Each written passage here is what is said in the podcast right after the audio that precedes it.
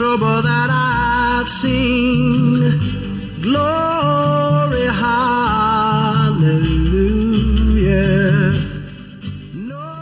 Vandaag de honderdste keer. Waarom in Jezus' naam Jezus en onze gast? Niet voor de honderdste keer, maar je bent onze honderdste gast. Gerrit, Gerrit Zwart. Ja, Welkom. dankjewel. Je bent heel erg jong. Ja. Maar dat neemt niet weg dat je, dat je in staat bent om antwoord te geven op de basisvraag: waarom? Waarom in jouw leven Jezus? Ja, nee, dat hoop, ik, eh, dat hoop ik niet, dat ik te jong ben daarvoor. Sommigen zullen dat misschien eh, kunnen denken. Dat je eerst eh, 60 jaar levenservaring nodig hebt om erachter te komen waar het leven eigenlijk om draait. En eh, ja, ik begon het eh, te kennen inderdaad vanaf mijn 21ste. Dat was het moment dat ik eh, ehm, eigenlijk erachter kwam dat mijn leven doelloos was. En ehm, ja, hoe zeg je dat? Eh, alle dingen waarvoor je denkt te moeten leven.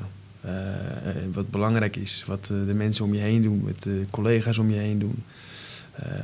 Was in mijn geval veel van feestjes, veel eh, eigenlijk eh, eruit halen wat erin zit. Hè? En eh, proberen het leven zo leuk mogelijk te maken. Maar dan zeg ik altijd, aan het einde van de dag kwam ik thuis. En als niemand keek, voelde ik me toch niet zo lekker als, eh, als dat ik me altijd maar voordeed. En ik denk dat heel veel mensen daar ook problemen mee hebben. En ik ben erachter gekomen dat Jezus de enige weg is daarvoor. Eh, hij zei zelf ook dat een ieder die vermoeid en belast is, komt tot mij en dan zal ik u rust geven. En dat heeft hij in mijn leven echt laten zien dat hij dat kan doen. Jij was vermoeid, belast. Ik was zeer vermoeid en belast, ja. En dat had ik zelf niet zo snel door. Dus dat was niet... eh, ik kan me voorstellen als iemand dat hoort, dat hij denkt... ja, dat, dat, zo voelt die persoon zich, maar ben ik dat dan ook? Ja, ja. Zou ik me zomaar kunnen voorstellen. Of eh, En belast kan ook zijn gestrest. ja, ook. Ja. Druk van de wereld. Ja. Eh, ik zeg, ik ben een IT'er. Eh, dus heel veel mensen hebben heel vaak heel veel problemen. En die moet je heel vaak heel snel erg oplossen. Mhm. Zo belangrijk is dat. Nou, die druk die constant dan op je leven zit. En eh, of het nou met IT gaat of om andere zaken. eh, die belasten mij daarmee. Een soort rugzakje. Dat, maar ja, nogmaals, je had het alleen niet zo snel door. Dus je wist wel dat het... Als je misschien eh, toen ik twintig was mij zou vragen... Gerrit, eh, alles lekker? Dan had ik gezegd, eh, ja hoor, dat gaat allemaal prima. En niks Ja. aan het handje. Maar als je dan echt vroeg of, of, of de echte binnenkant zag... dan zei ik van, nou ja, ik heb toch eigenlijk best wel veel moeite met bepaalde dingen. Maar ja, daar spreken mensen zo snel niet over. En, en toen je twintig was, is er ooit iemand geweest die gezegd heeft... Gerrit, hoe gaat het nou echt met je? Of is dat nooit gebeurd? Ehm jawel, dat is wel denk ik gebeurd. Ik kan het me niet eh, heel goed herinneren in die zin. Eh, maar mijn zus die ging altijd naar de kerk waar ik nu ook eh, ja, kom. En dat is de kerk in... Zandam, Jeruzalem. Ja. Oké, ja. En ehm, nou goed, die, die, die ging er altijd heen. En ik woonde inmiddels toen niet meer thuis. En ik had ook niet zo'n goede band meer met mijn zus. Maar als ik dan thuis was, en mijn zus was er ook... was zij wel een van de weinigen die gewoon eens kon vragen van... nou Gerrit, hoe gaat het nou met je? En dan, en dan voelde ik gewoon een, een veiligheid bij haar om dan te kunnen zeggen wat ik voelde. Nou, en, en dus ja, het antwoord is in principe ja. Ehm, en dat vond ik ook wonderbaarlijk namelijk dat ik... eh, dat er mensen waren die echt om me gaven. En eh, op werk of eh, vrienden in de wereld of in de wereld bedoel ik dan eventjes buiten de kerk om. Eh, die, die hadden het wel, eh, daar had ik het ook wel leuk mee en daar had ik een goede tijd mee en daar konden we ook van alles mee organiseren. Maar eigenlijk ging het nooit om de diepe inhoud. Maar zei je dan tegen je zus... Ik ga even terug naar die zustervorm, weet ik niet. Maar het is gewoon intuïtie. Doen we. Ja, dat, dat, dat je, dat, dat je tegen je zus zei... Nou, ik voel me toch eigenlijk een beetje leeg of belast. Ja. Of, het zou je niet voor gebruikt hebben, dat woord, denk ik. Maar ik voel me een beetje, eh, ondanks alle pret en lol... Voel me een beetje leeg en vreemd. En... Zei Ja. je dat wel eens tegen haar in die tijd? Maar ja, ik kan het me niet heel goed herinneren. Ehm, wat ik me wel kan herinneren, is dat ik ehm, eh, e- een van de moeites die ik wel had, die ik wel eens met mensen besprak, dat was dat ik eh, in een eh, huis woonde met iemand, met een vriend van me. En die was er nooit en die maakte niet schoon. En, nou goed, noem het maar op.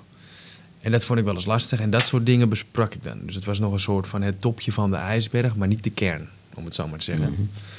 En eh, wat ik wel heel bijzonder vond, maar misschien loop ik dan een beetje op, de, op, de, op het verhaal vooruit, was dat toen ik in de kerk terecht kwam, eh, nou, hoe dit allemaal gegaan is, et cetera, dat eh, komt misschien zo direct aan bod. Maar eh, wat ik wonderbaarlijk vond, was dat ik opeens open werd naar mijn zus.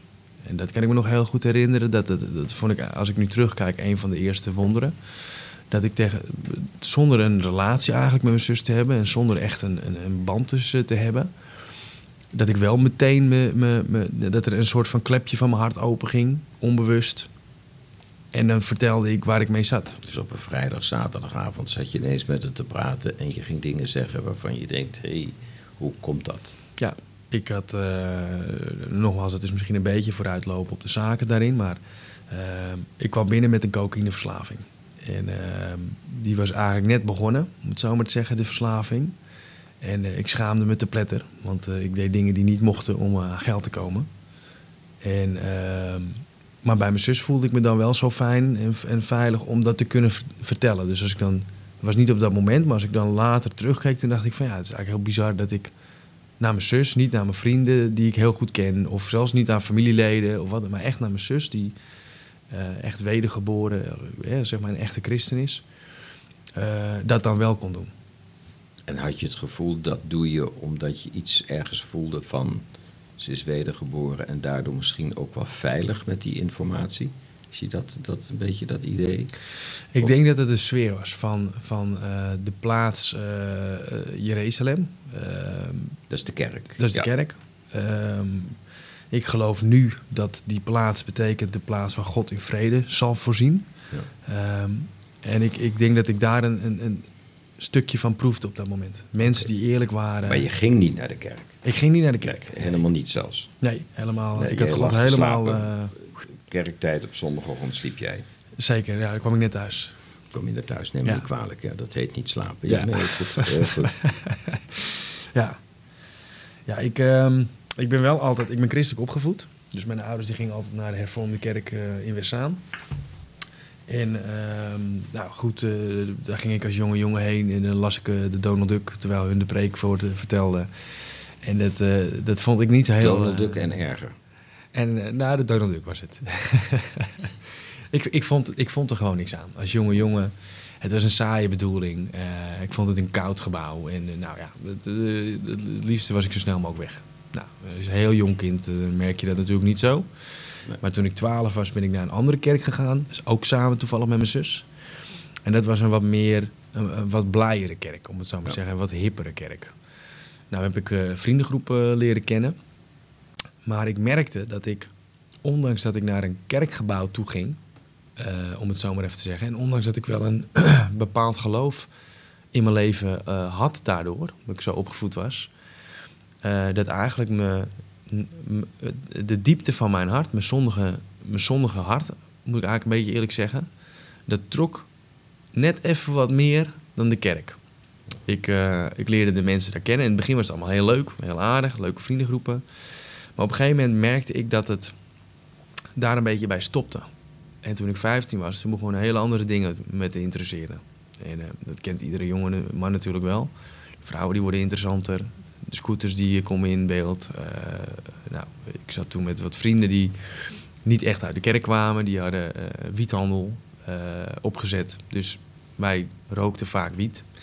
En het was voor mij toen een, een keuze van wat ga ik doen? Ga ik nou de kerk blijven volgen of Jezus blijven volgen? Of ga ik mijn eigen leven uh, Je had wel opzetten? een beetje het idee, ik weet wel ongeveer wie Jezus is of zou kunnen zijn in mijn leven. Je had wel een soort... Ja idee ergens in je achterhoofd van het kan anders. Ja. Er is een alternatief. Ja. He, wat heel veel mensen die nu luisteren misschien niet eens ooit aan een alternatief denken. Die denken, ja, er is toch niks en ik ga door op het pad waar ik op zit. Ja. Maar jij had ergens het idee, als het anders moet dan bij hem. Zou ergens vaag.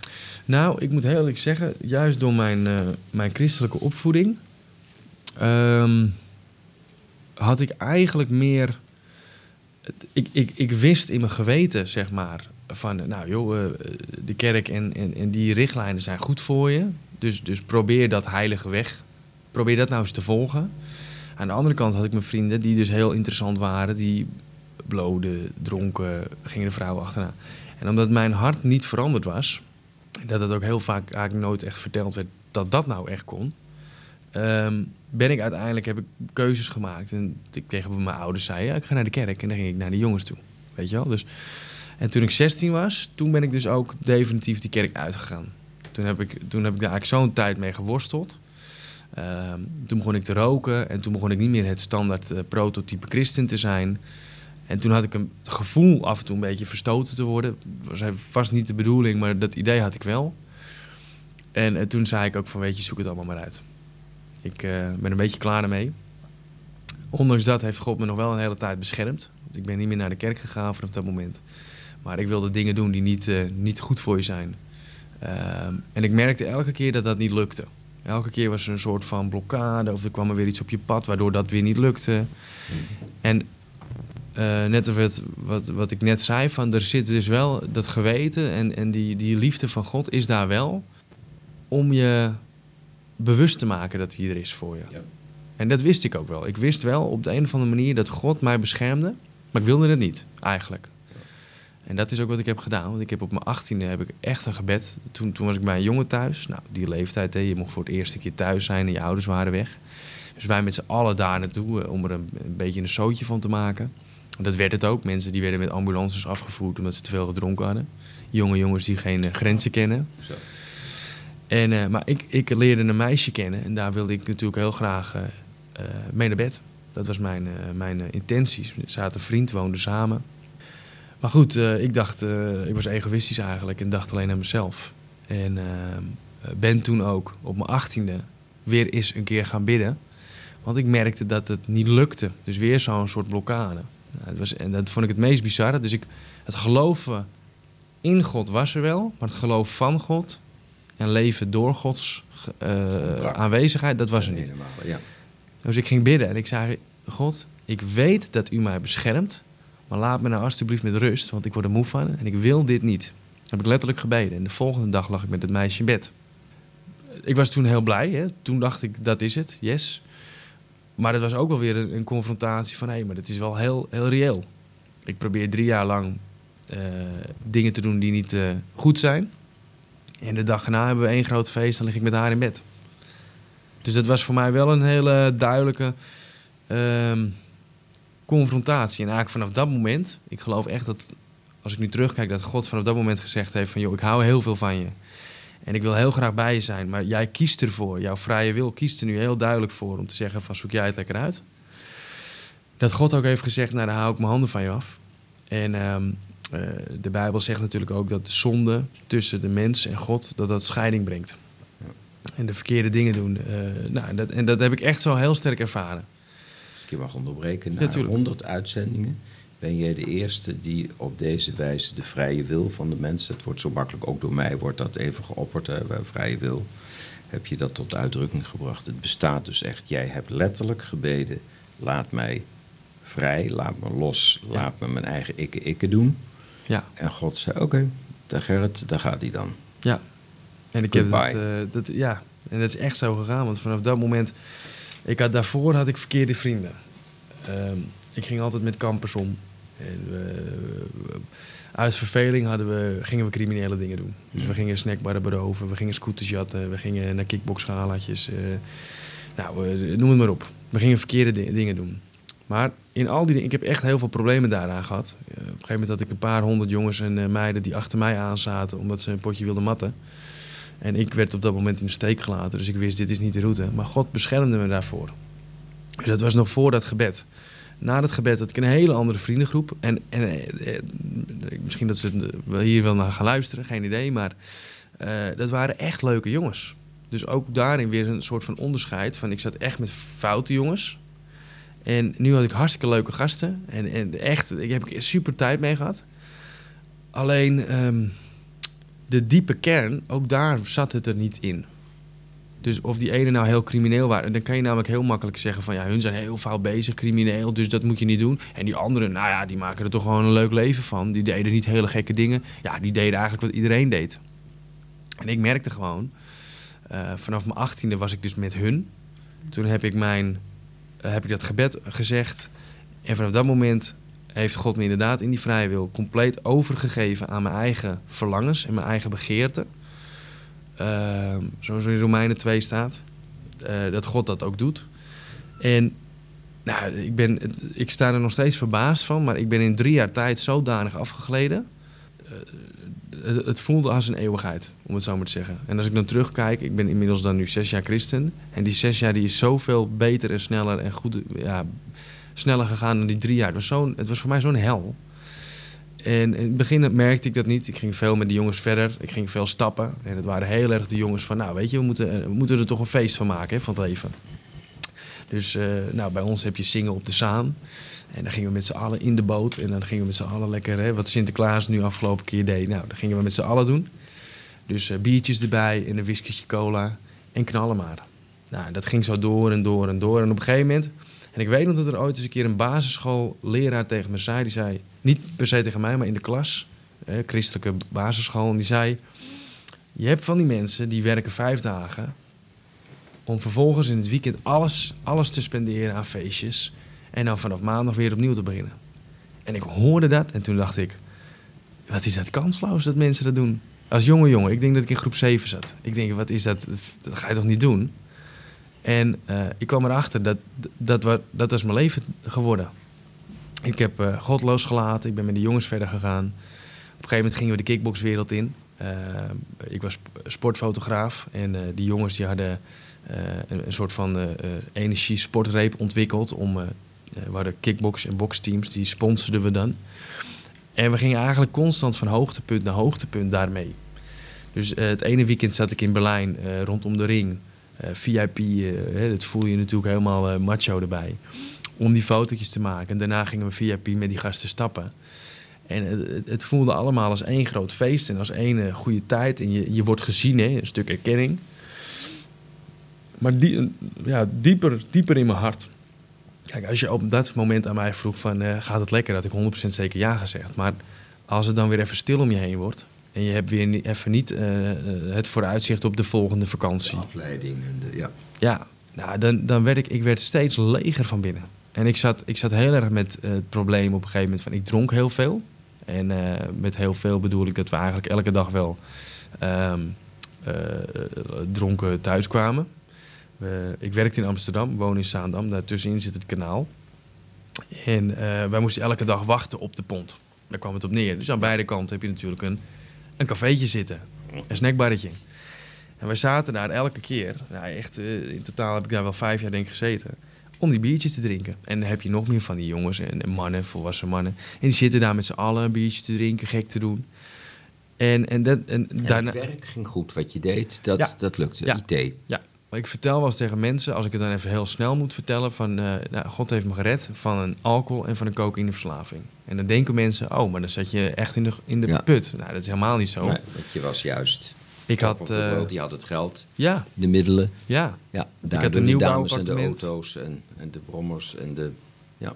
Ja, nou, ik, had, eh, ik had geen auto. Nou, ik had een auto, maar die had Ik ik... eh, bij auto keek je wat vertwijfeld om je heen. Maar dat, dat kan, kan niemand horen, maar ik zag dat toevallig gebeurd, auto. Nee, dat klopt, ja. Ik, Excuus daarvoor. Dat maakt niet uit. Ik had, ik had een goed leven. Dus van de buitenkant zag alles er goed uit. Eh, maar van binnen ja, eh, werd het eigenlijk alleen maar slechter. En eh, des te meer feestjes, des te meer vrouwen, des te meer seks, des te meer drugs op een gegeven moment. Ik had wel moeites, maar het, de echte erkenning dat ik... En dan kom ik weer terug op jouw vraag die je net stelde. Van, of tenminste, dat, dat er mensen kunnen zijn die dus niet een ander antwoord hebben. Ehm, ik zat op een gegeven moment letterlijk met een jongen. Die was ook altijd op de pont. En eh, we dronken altijd bier of whisky cola. Dat was een beetje ons ding. En we zaten daar met z'n tweeën. En op een gegeven moment zeiden we gewoon heel eerlijk tegen elkaar. Ja, joh, dat, dat, dat constant maar eh, dat bier en, het, en het, dat, dat is ook helemaal niks. En toen hebben we een gesprek gehad. En ik, vond, ik, vond, ik, ik weet nog dat ik het had. En dat ik bij mezelf eigenlijk dacht van... Man, wat is dat kansloos. Maar dat ik dacht... ik zei, we, we zeiden tegen elkaar, ik weet ook niet wat ik anders moet drinken. Want ik heb helemaal geen zin in een colaatje of in een 7-uppie of in een Fanta.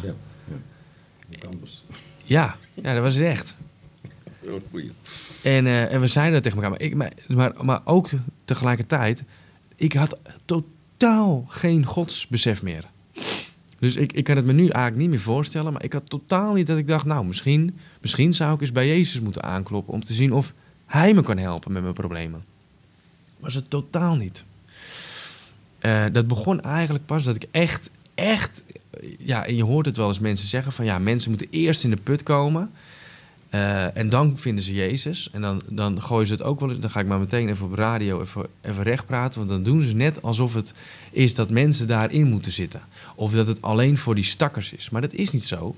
Wij hebben een masker. Dat houden we gewoon heel lang op. En pas wanneer we op de grond zitten, doen wij dat masker af. Maar dat hoeft natuurlijk helemaal niet. Maar wij doen alsof we het zo goed weten. En alsof we het zo goed kunnen. En als we dan een keer een foutje maken, nou, dan praten we ons er wel weer uit. En dat, en, eh, dat deed ik ook. Ik had God niet nodig. Ik probeerde het zelf wel. En ehm, dat was mijn leven ook. Dus op een gegeven moment begon ik aan de cocaïne te raken.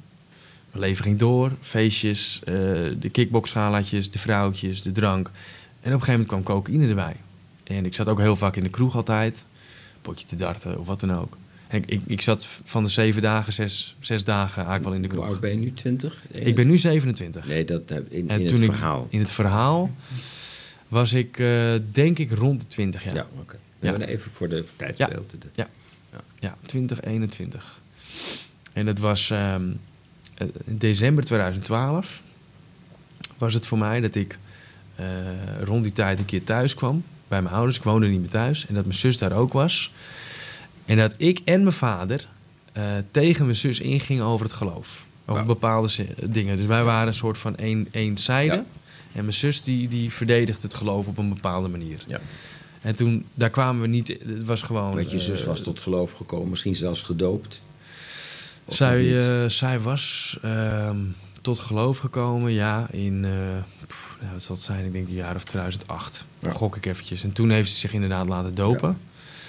En eh, een beetje een zijtakje, maar de kerk waar ik dus in zat en waar ik op mijn zestiende uitging, daar is onze voorganger heel radicaal tot geloof gekomen.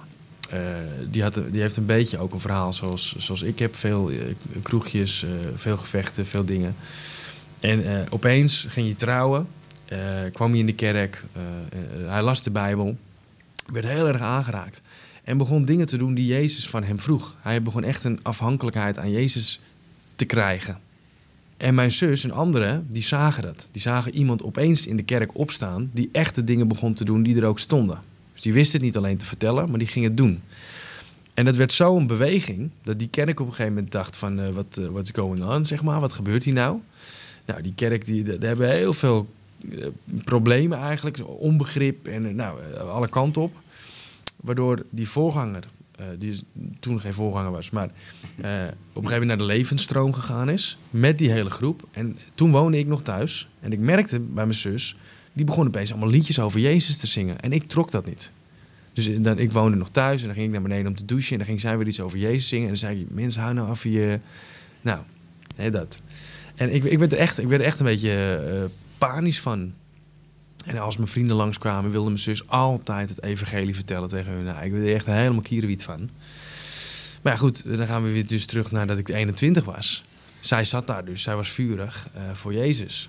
En eh, had echt een relatie met hem. Dat, dat merkte je dan wel. En die bleef me dus uitnodigen van kom eens een keer langs.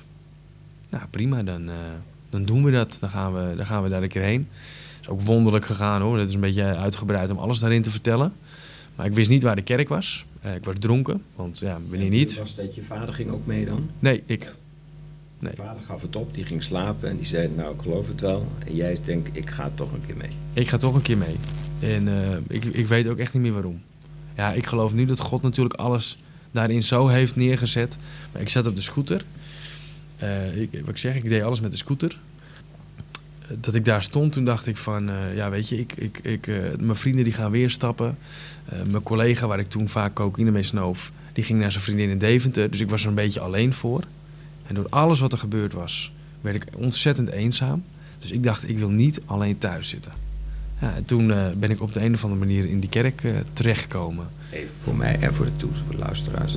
Wat is op de een of andere manier, dat moet ik bedenken, je valt je bed uit en je wandelt dan een beetje naar de kerk toe Nou, het is echt, nee, het is echt een op goede een of andere manier is het een Ja. heel wonderlijk beeld, toch? Nee, ja, maar zo wonderlijk is het ook echt gegaan. Want ik wist niet waar de kerk was. Ik, ik wist gewoon letterlijk Nee, niet waar het gebouw was. Ja. Ik zat op mijn scooter.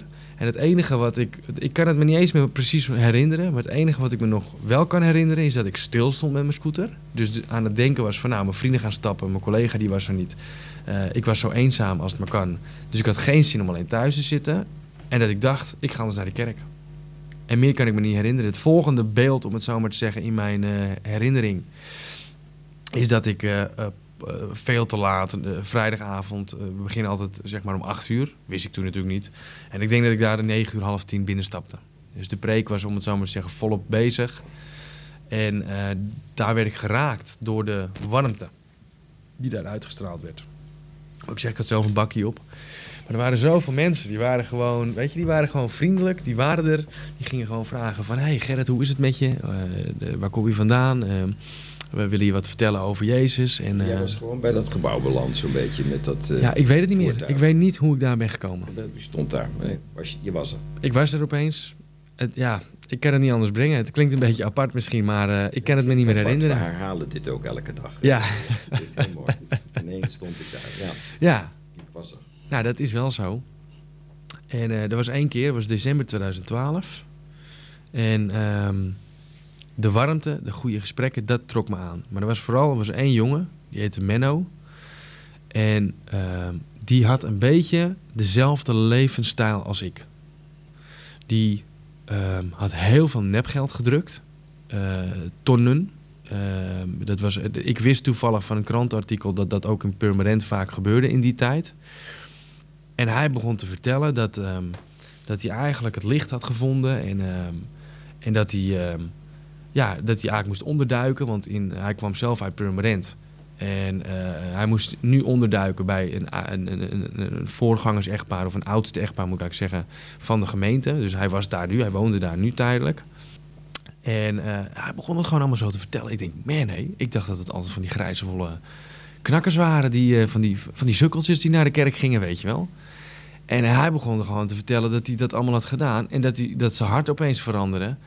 En eh, hij rookte toen de tijd nog met mij. Eh, ik rookte ook toen. Ehm, en we stonden buiten een, een paffertje te doen. En, en hij vertelde dat hij van plan was om alles op te biechten bij de politie. Nou, dat, dat, dat, dat was verbazingwekkend. Weet je, dat iemand zo'n verandering meemaakte. Dus dat vond ik gewoon bijzonder. Ja. Dat was, dat was voor mij een aanleiding om te denken...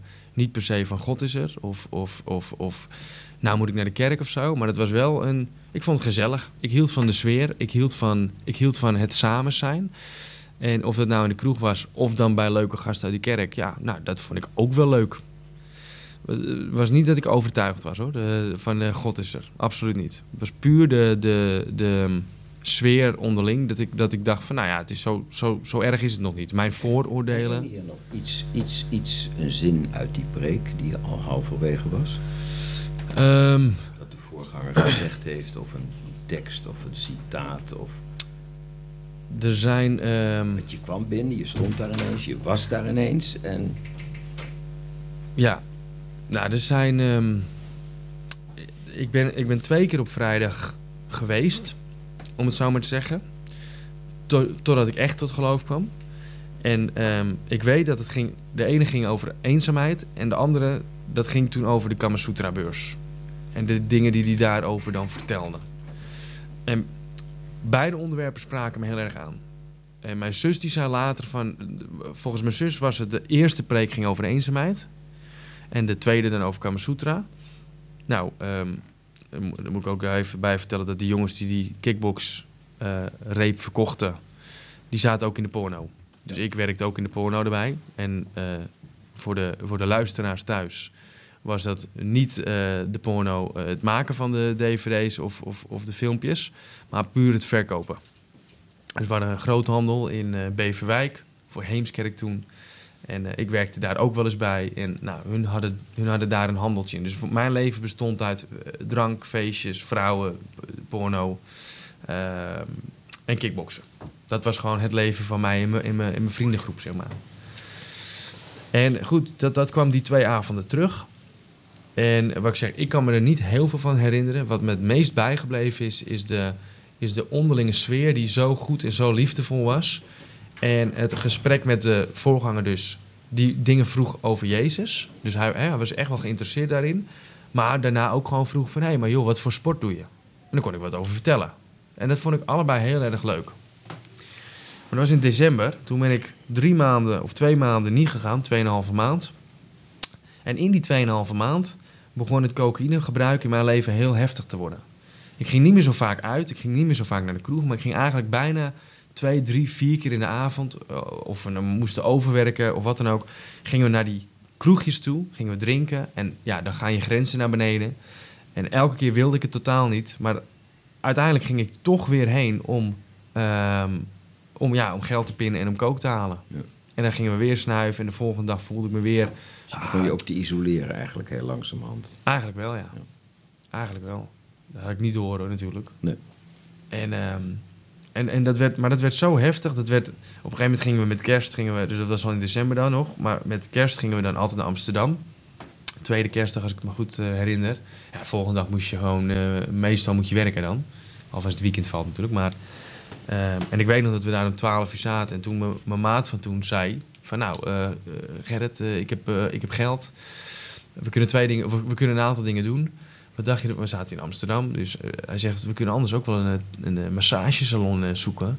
Hij zegt, ik betaal en dan een happy ending erbij. Ga even zoeken. Dus wij op zoek daarnaar. We liepen al eerst met de familie van hem door de, eh, door de wallen. Toen gingen we afzonderen, gingen we dat op zoek. En eh, nou, daar kwamen we niet zo uit. En toen zei, op, zei ik op een gegeven moment, nou, ik heb het telefoonnummer. Want inmiddels had ik dat allemaal. Van een dealer in Amsterdam. Ik zeg, als ik hem nou even bel of app... In plaats van dat je nou 50 euro aan, eh, aan, eh, aan eh, hoererij eh, spendeert... zullen we dan gewoon lekker een, grammetje of twee kook halen. Nou, dat hebben we toen gedaan. Tot vier uur 's ochtends heb ik lopen snuiven. Geprobeerd vrij te krijgen, was niet gelukt. Dus de volgende dag zat ik weer natuurlijk met een schuldgevoel op werk. Ontzettend brak, ontzettend verrot. Maar ja, probeer hè, je leven toch weer gewoon zin te geven. Ik weer door. Nou, in al die tijd ging het mis. En in februari kwam ik dus voor de tweede keer in de kerk. En ehm, eh, nou goed, ik leerde die gast weer kennen, die Menno. Eh, wij weer een beetje praten. En toen had hij inmiddels verteld dat hij in die tijd... ehm, dat hij een wonder had meegemaakt. Hij zegt, van, eh, hij zegt, je kan het niet geloven, maar dat is echt waar.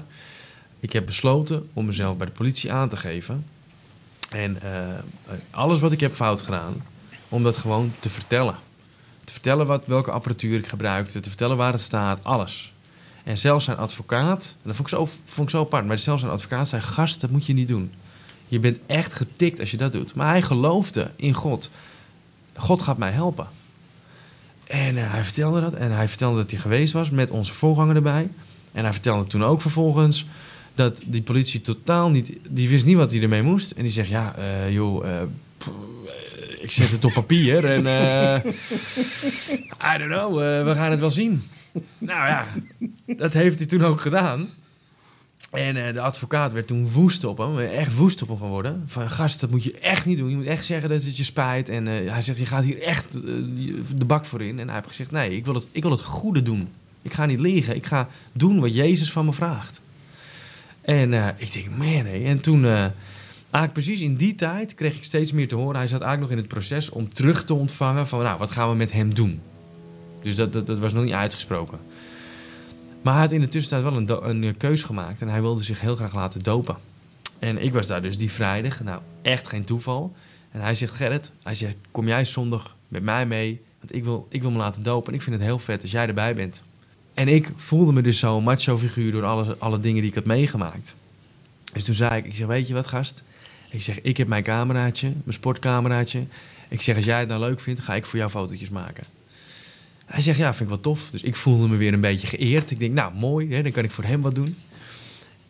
En Als je eh, kickboksen kan fotograferen en doop, kan er nog wel bij. dat gaat er wel bij, ja. ja. Nou, en ehm, ehm, het is toen eigenlijk zo gegaan dat, eh, dat nou, vrijdag deal, ik ben er zondag bij. En eh, zaterdag had ik een, eh, een, eh, eerst een bovenfeestje met mijn familie. Dus flink drinken. Toen hadden we een verjaardag, ook weer flink drinken. En eh, nou, toen was het 12 uur. Toen denk ik, nou, nu moet ik naar huis. Want morgenochtend vroeg hè, moeten we heilig in het gebouwtje zitten. En, maar tussen de verjaardag en mijn huis was een cocaïne dealer van me. Een andere. Ja, ik denk, ja, weet je, verslaving is hardnekkig. En die, die, die kleeft aan je. nou, dat, daar kom je niet zomaar vanaf, zeg maar. En ik wist bij mezelf heel goed te vertellen dat het onzin was en dat ik het niet moest doen. Maar ik had 20 euro en ik ben het toch gaan doen. Ik zeg, joh, ik belde hem op. Ik zeg, ik heb 20 euro. Nou, dan krijg je ongeveer een half grammetje voor. Zeker als je je een beetje kent. Maar afgesproken is een grammetje 50 euro. Dus nou, hij zegt, joh, kom maar halen. En ik weet nog dat ik beneden zat. Waar de, ik had een, een mooi nieuwbouwappartement. En daaronder eh, zaten allerlei parkeerplekken. En op die parkeerplek nam ik eh, met mijn sleutel... nam ik een hijsie van, eh, van de kook. Een eh snuifie, zeg maar. En ik weet nog bij mezelf dat ik dacht van... Gast, jongen, wat, wat- er was een soort strijd van binnen dat ik dacht, wat ben je nou aan het doen? En aan de andere kant wilde je heel graag. En die, die constante strijd, die maakte me... Ja, ik wist het allemaal wel. Mijn geweten werkte wel, om het zo maar te zeggen. En dat stemmetje in mijn hoofd dat zei, doe het nou niet, was er ook. Maar aan de andere kant, de begeerte naar de zonde was er ook. En net zoals ik vroeger in de kerk zat. En dat was de begeerte naar zonde was er ook. En die trok me uit de kerk. Zat ik eigenlijk daar ook te worstelen daarmee. En ik dacht, ja, weet je, het kost geld. Ik wil het, ik doe het gewoon. Dus ik snuiven, ik weer naar boven toe. En doorsnuiven. Nou, er is toen heel veel gebeurd. Ik heb toen eh, die avond eh, hartkloppingen gehad. eh, werd er een beetje angstig van. Ehm, er gebeurde al heel veel wonderen die avond. Ik zal daar niet te veel over uitweiden. Maar dat zie ik als ik nu terug ga. Denk ik, man, het is ongelooflijk wat daar gebeurd was. Maar goed, puntje bij. Ik de volgende ochtend vroeg op om naar de kerk te gaan. Nou, en vanaf dat moment, het is, het, is een uitgebreid verhaal hoor, allemaal wat er gebeurde. viel me totaal niet op. Nee. We hebben alle muziek tot nu toe overgeslagen, maar het gaat helemaal goed. Oké. Helemaal goed.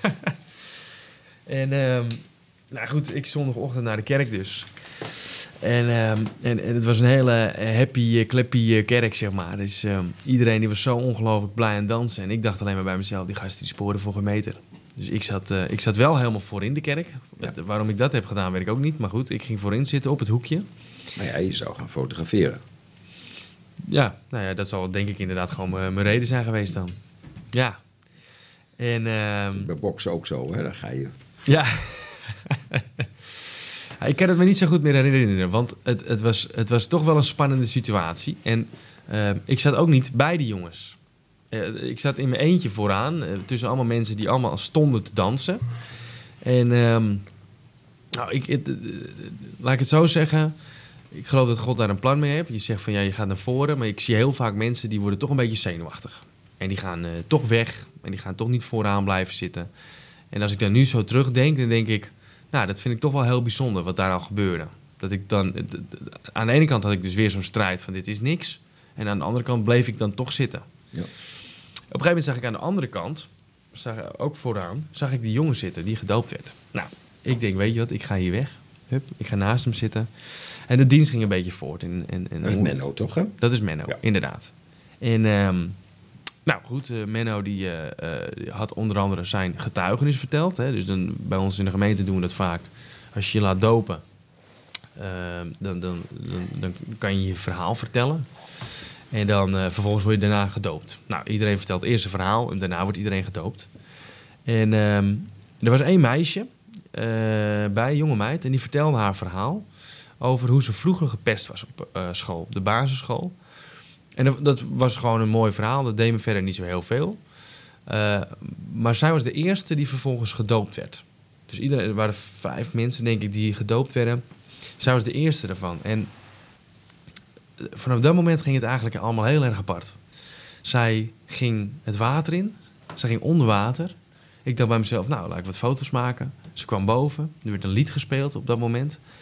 En eh, in de blink of een eye, zeg maar, begon ik te huilen. En ik kon niet meer stoppen. En wat het nou... Ja, het was God. Maar er was niets... Het was zo stom, want ik kon me nergens aan, aan, aan koppelen van... Oh, maar dat is het of De dat is het. Dat had ik niet. Geen trigger, niks. Niks. Ja.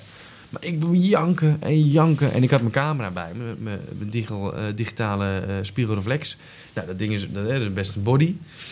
Dus ik probeerde voor mijn gezicht te houden met de hoop dat niemand het zag. Nou, dat is waarschijnlijk finaal eh, mislukt natuurlijk. Maar ik heb daar 20 minuten lopen huilen. Ben uiteindelijk toen naar achteren gegaan. Eh, dienst was afgelopen. Ben ik in een, in een kinderhokje gaan zitten. Kwam er een jongen naast me zitten. Even voor, voor de mensen die nog steeds luisteren naar Snap ik. prachtige verhaal. Ja. Nee, maar, dus Menno hebben we voorbij laten gaan.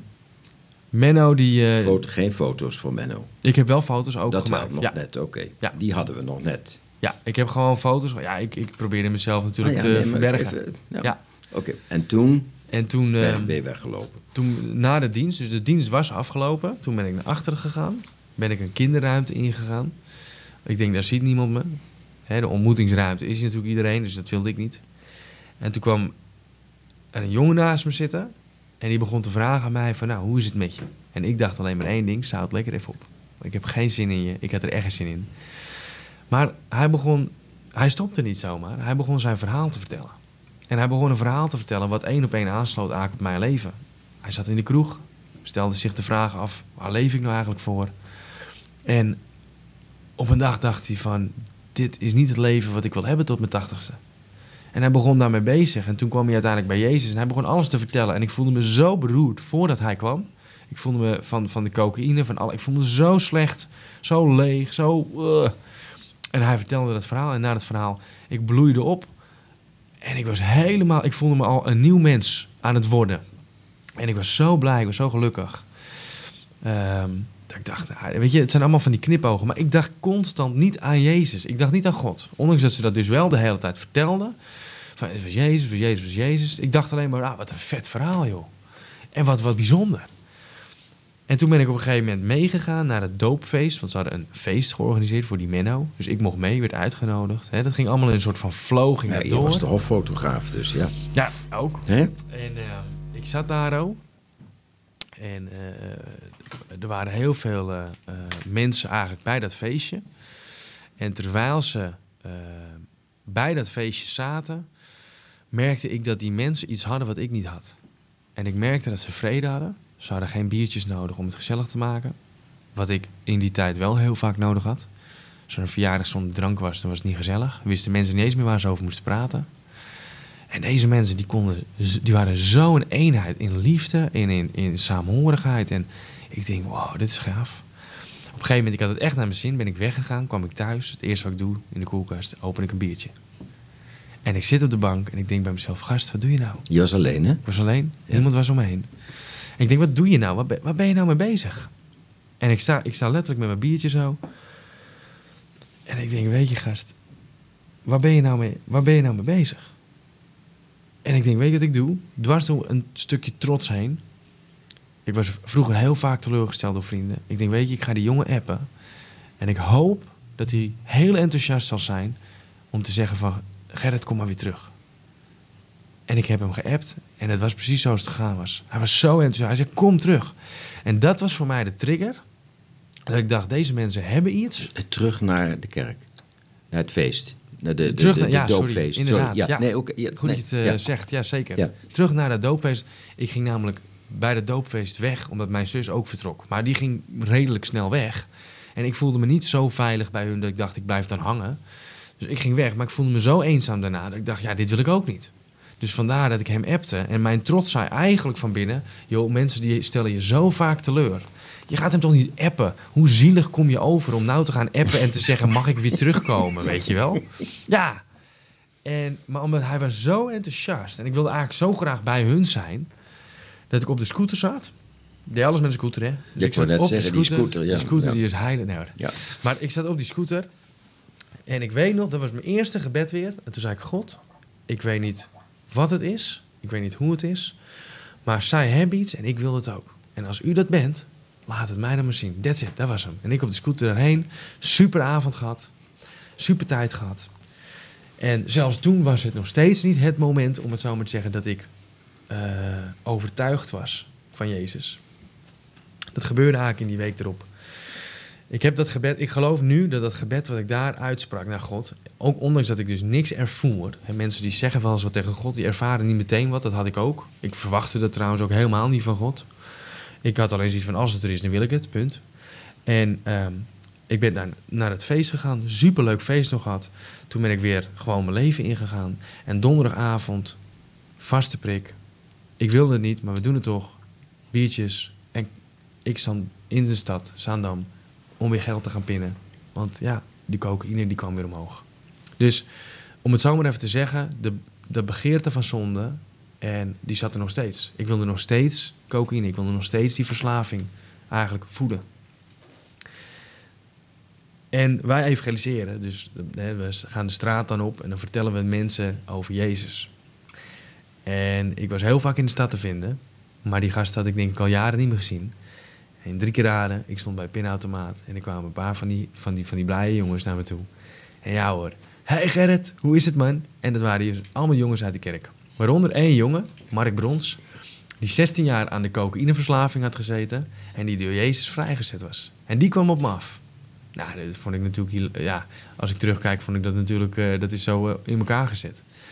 ik ben met geld en Ik wil al. zeggen hilarisch, maar dat is zo, ja. Ja, Ja, heel goed. Ja. ik ben, ik ben naar mijn cocaïne dealer gegaan. Nou, we hebben die avond weer coke gebruikt. Eh, het bijzondere toch al was dat ik die avond tegen mijn, colle- of, ja, tegen mijn collega, ook mijn vriend, al begon te vertellen van, nou, wat vind jij van Jezus? En eh, ik begon al dingen over Jezus te vertellen.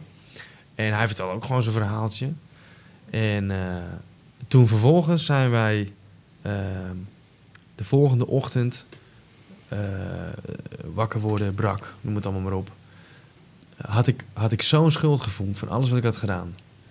En om, ik had zo'n schuldgevoel, ik voelde me zo leeg van binnen. Toen appte ik dus weer mijn zus, om weer terug te komen op mijn zus. Daar had ik dan toch weer een soort connectie mee. En ik zeg, joh, het spijt me zo erg. Ik heb het weer, ik heb weer gefaald gewoon. En het enige wat ze terug appte was, Gerrit, het geeft helemaal niks. We gaan gewoon opnieuw beginnen. En ik brak. Ik brak op de scooter. Ik begon te huilen. Die vrijdagavond, vrijdagochtend was dat gebeurd. Vrijdagavond was een soort van sneltrein allemaal. Ik daarheen, wel weer nog met een bakje op. Ik weer in de kerk. Dat was dus voor mij de derde vrijdag. En, de, en ik had dus drie vrijdagen en één zondagdienst meegemaakt. En nou, dat was gewoon een prima dienst. Was een, eh, gewoon gezellig, leuk. En toen, was ik, toen had ik een keuze gemaakt om te zeggen... Ik wil, ik wil wel vaker komen. Als ik iets van God wil ontdekken... Dan, dan moet ik wel naar de kerk of zo. Dan moet ik vaker komen. En dat was 3 maart 2013, heel makkelijk 3-3-2013. kwam ik in de kerk. Zondag, eh wij gingen altijd voor mensen bidden. Ik eh, was altijd heel erg bang. Ik denk, ja, als er wordt gebeden, dan... eh, ik weet niet wat er bij mij gaat gebeuren als ze, als ze bij mij bidden. Ik was heel onrustig raak van binnen.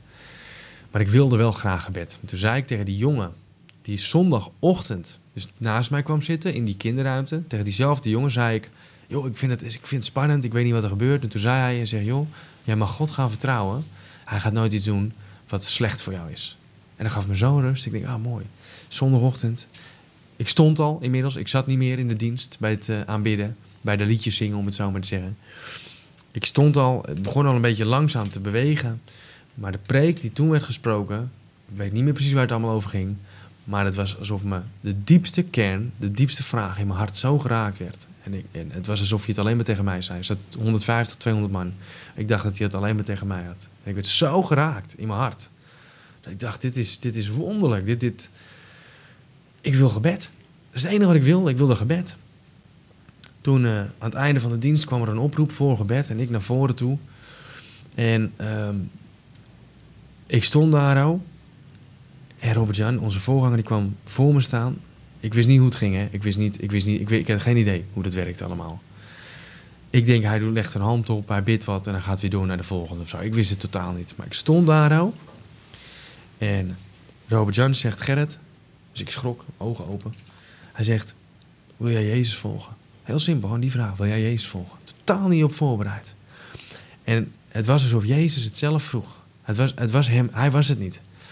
Ik zeg wel eens tegen mensen, als ik nu tegen jou zeg... we zitten hier aan een houten tafel... dan weet jij en ik allebei heel simpel... we liegen niet, want we zien het. Maar ik moest op dat moment het allerdiepste... het aller, allermeest... ja, de, de, de volledige waarheid... moest ik vertellen. En, en op die vraag kon ik ook dus niet ja of nee zeggen. Nee, want mijn hele leven bestond uit... ik ben in de kerk geweest, heb gefaald... heb me niet goed gevoeld... wilde de zonde eigenlijk dienen... En daar sta ik dan weer. Weer voor God. En mijn antwoord was dus ook... ik, ik denk niet dat ik het kan. Ik, ik denk niet dat ik het kan. En ik brak. En op dat moment... ehm, Robert Jan wist denk ik niet wat hij ermee moest. die zag mij alleen maar huilen in die zin. Maar die, die, die ging niet verder in gesprek, om het zo maar te zeggen. Die wist wel wat hij ermee moest in de zin van dat hij zei... Nou, dan ga ik bidden. En ehm, hij begon voor me te bidden. En op dat moment, ik huilen, huilen. En ik ervoer op dat moment zo'n diepe rust. Zo'n zo'n zekerheid. Ik, ik, ik heb in al die tijd, zelfs in die zes jaar, heb ik me nooit zo'n zekerheid gehad als op dat moment. Dat ik zo zeker wist, God bestaat. Want dit heb ik nog nooit meegemaakt. Ik heb drugs, drank, vrouwen, alles geprobeerd. Maar dit is bovennatuurlijk. Deze aanraking die ik nu ervaar. En het leuke was, ik wist niet hoe ik erbij stond, om het zo maar te zeggen. Ik wist alleen dat ik aan het huilen was. Maar een jongen die heel vaak het evangelie vertelde, die was gitarist op, de, op het podium, die zag mij staan. En die werd hij werd zelf zo aangeraakt door God, omdat ik daar stond. Want hij zag me, ik wist het niet hoor, maar hij vertelde me later. Hij zei, Gerrit, hij zegt, op dat moment zag ik jou vol tranen en vol overgave, met je handen in de lucht staan, naar God. En hij zegt, ik wist niet wat me overkwam.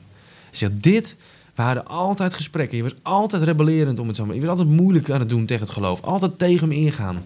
En ik zag jou en hij zegt, ik wist gewoon, God raakt jou aan. Hij zegt, hij zegt ik werd zo geraakt. Die jongen zelf ook. Hij zegt, ik kan niet meer gitaar spelen. Hij zegt, ik brak ook. En dat vond ik zo bijzonder, want dat, we zijn ook daarna hele goede vrienden geworden. We zijn zelfs naar Zuid-Afrika gegaan. We zijn naar Kroatië gegaan. We zijn naar hele goede vrienden geworden. En ehm, ja, wat kan... Wat, menigmaal dat we het toen nog met elkaar over hebben gehad. Van hoe, hoe bizar is het? Vijf jaar geleden stonden wij met elkaar op de straat tegenover elkaar over het geloof te praten. En nu zitten we in Zuid-Afrika. Hoe, hoe wonderbaarlijk is het? Maar vanaf dat moment, 3 maart 2013, heeft God mij zijn Heilige Geest gegeven. En ehm, begon alles te veranderen. Mijn karakter werd anders. Ehm, alles wat de Bijbel over spreekt, was geen verhaal, maar het gebeurde. Ik las het en ik dacht, nou, krijg nou wat, dit, dit, dit maak ik ook mee. En dit maak ik ook mee. En de cocaïne was er in één keer uit. Drie weken later sprak iemand me aan over, over alcoholgebruik. Toen ben ik gaan bidden. Bam, in één keer eruit. Een half jaar later, eh, idem dito, ook zo wonderbaarlijk. Eh, hoe zit het met roken, Gerrit? Wat wil je daarmee doen? Ja, eigenlijk wil ik er wel vanaf, maar nu nog niet, zei ik. En toen gebeurde er van alles in mijn leven. God regisseerde dat. En toen zei ik, laat maar, bid maar voor me. Bam, het roken in één keer uit. En alle verslavingen, alle patronen, vrouwen, verkeerd, echt misbruik van alle vrouwen. Gewoon puur om mijn eigen lusten te, te, te, te voeden. En ik liet vrouwen drie uur s'nachts naar mijn huis komen omdat ik met hun naar bed wilde gaan. En toen viel ik toch in slaap. En het boeide me helemaal niks dat ze, dat ze een half uur moesten rijden om voor de deur te staan, drie uur s'nachts aan te bellen. En gewoon, ik bid gewoon, doei. Ik was zo egoïstisch, ik was zo, zo op mezelf gericht. En op dat moment, toen ik God de ruimte echt kon geven, heeft hij alles vernieuwd. Mijn depressie was eruit, van de een op de andere dag. Ik heb twee maanden lang toen in zo'n heerlijke flow gezeten van de Heilige Geest. Ik voelde me zo goed, alles veranderde. En ik, ik, ik deed, heel veel dingen deed ik gewoon nog, omdat ik dat gewend was. En God overtuigde me steeds weer van... hé hey is dat het wel? Wil je dat wel doen? Is dit wel de juiste route? Ik gamede heel veel. Allemaal van die, van die vage, horrorachtige spellen, weet je? Met, met vage wezens. Hij zegt, is, hij zegt, wil je dat? Hij zegt, wil je dat in je leven houden? Ik zeg, ja, ja, eigenlijk maakt het me ook niet zo gelukkig. Ik doe het maar omdat ik anders niet weet wat ik moet doen. Zegt God, nou, joh, stop er dan mee. Keuzes maken voor Jezus. Constant keuzes maken voor Jezus. Ik begon opeens gitaar te spelen. Uit het niets. Ik vond het echt een... Ik zei het zo op mijn doop. Ik vond het een pokkeninstrument. Maar dat was zo. Ik had niks met gitaar spelen. Ik had niks met, met muziek maken überhaupt. Ik begon ik opeens gitaar te spelen. Dat ik helemaal rustig werd. Ik dacht, hé hey, heer, dit mag ik voor u doen. En mijn leven die veranderde compleet. Mensen wisten niet wat, wat hun overkwam. Zelfs mijn vader zegt, Gerrit, jij was altijd iemand die van de hot en de her. Dan ging je weer vissen, dan ging je weer voetballen, dan ging je weer, eh, was je voor Ajax, dan was je weer dit, dan ging je weer darten. Hij Ja, zegt maar kunnen we niet dit, hebben natuurlijk, hè? Nee, Nee. nee. voet- nee. Al het andere kan, dit kan niet. Nee. Nee. Dus de ene voetbalclub naar de andere, dat kan niet. dat kan natuurlijk dat kan niet. niet, hè? Nee, Hij zegt, je was zo aan het, aan, het, aan het ronddwalen. Hij zegt, en ook al is hij het niet altijd met me eens. En ook al bid ik dat ook hij daarin volledig aangeraakt wordt door Jezus. Maar ehm, ondanks dat zegt hij, Gerrit, maar ik kan niet anders zeggen. Bij jou dit, dit is het enige in jouw leven dat echt vaststaat. En dat is nu zes jaar geleden. En je gaat door allerlei ups en downs, want het is een relatie die je echt mag hebben met Jezus. Er zijn mooie tijden, er zijn wat minder mooie tijden. Ehm, maar ik heb gemerkt dat, omdat ik het niet meer langer zelf hoef te proberen, En al mijn moeites en al mijn lasten bij God kan brengen. Ehm, en, en niet die zondige weg gaat die, waarvan ik altijd dacht, oh, dat is, dat is het- leven, dat is de gezelligheid, dat is de sfeer. Eh, maar er nu achter gekomen van hé, we hebben veel meer rust, we hebben veel meer vrede nodig dan, dan dat we ooit konden beseffen. En dat is alleen bij Jezus te vinden. Heb je veel dingen goed gemaakt daarna met andere mensen? Met, eh, Ik had eh, op het moment dat ik tot geloof en tot bekering kwam, in die, in die weken daarvoor, ik denk een week of vijf daarvoor, had ik knallende ruzie gehad met mijn vader. En ik had heel vaak ruzie met mijn vader. Maar toen was het zo heftig dat ik zei van weet je wat, eh, zoek het helemaal maar uit. Ik ben er zo klaar mee. Dat ik echt niet meer gekomen ben ook. Vijf weken lang. Kwam natuurlijk ook door mijn, door mijn drugsgebruik. Dat het allemaal heftiger wordt, die dingen. Eh, en ik was er zo klaar mee. En ik werd aangeraakt op eh, 3 maart, dus zondag. En die dinsdag kwam ik aan bij hun. Ik belde ze op. Ik zeg, ik wil langskomen. En eh, ik, ik kwam binnen. En mijn vader die, eh, die keek. En die zegt, joh. Hij zegt, het maakt niet uit, man. Hij zegt, het maakt niet uit. Alles wat er gebeurd is, kom hier. En we hebben samen gebeden. En het, het was een herstel van, van relaties, weet je. Het was een herstel van een... Van, mijn vader heeft ook een moeilijke jeugd gehad. En eh, het kind kwam terug naar huis. ja, weet je, ja. Toch? Ja. En het was zo mooi, weet je. En mijn vader vond het ook, nou. Dankjewel. En eh, weet je, het was zo gaaf gewoon op dat moment dat, dat, dat we... ehm, ook al, hè, wat ik zeg, daarna stonden we niet altijd op één lijn rondom het geloof. En sommige dingen waren wat moeilijker. Maar mijn- mijn moeder is ook wat traditioneler eh, in haar opvoeding, in haar geloof. Maar eh, ja, het was, het was zo'n herstel. Het was zo'n herstel van relaties. Het was zo'n... we waren altijd aan het bekvechten. We stonden altijd tegenover elkaar. Maar het is hersteld. Ja. Hey Gerrit, ik, eh, ik, we gaan het afronden. Het is de honderdste uitzending. En Ja. je bent, hebt een record gevestigd. Je bent de eerste gast die al die minuten achter elkaar gepraat heeft... zonder onderbreking van muziek. Nauwelijks met onderbreking van mijn stem. En je bent Gods kanje. Dank je wel. The trouble that I've seen, nobody knows my my sorrow.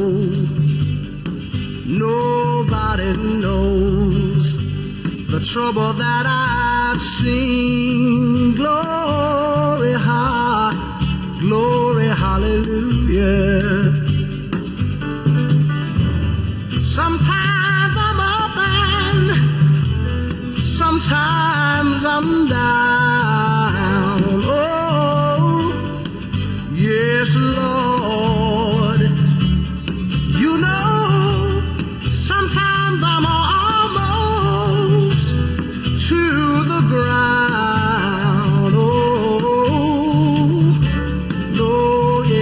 Lord. Still, nobody knows the trouble that I've seen. Nobody, nobody knows my my sorrow.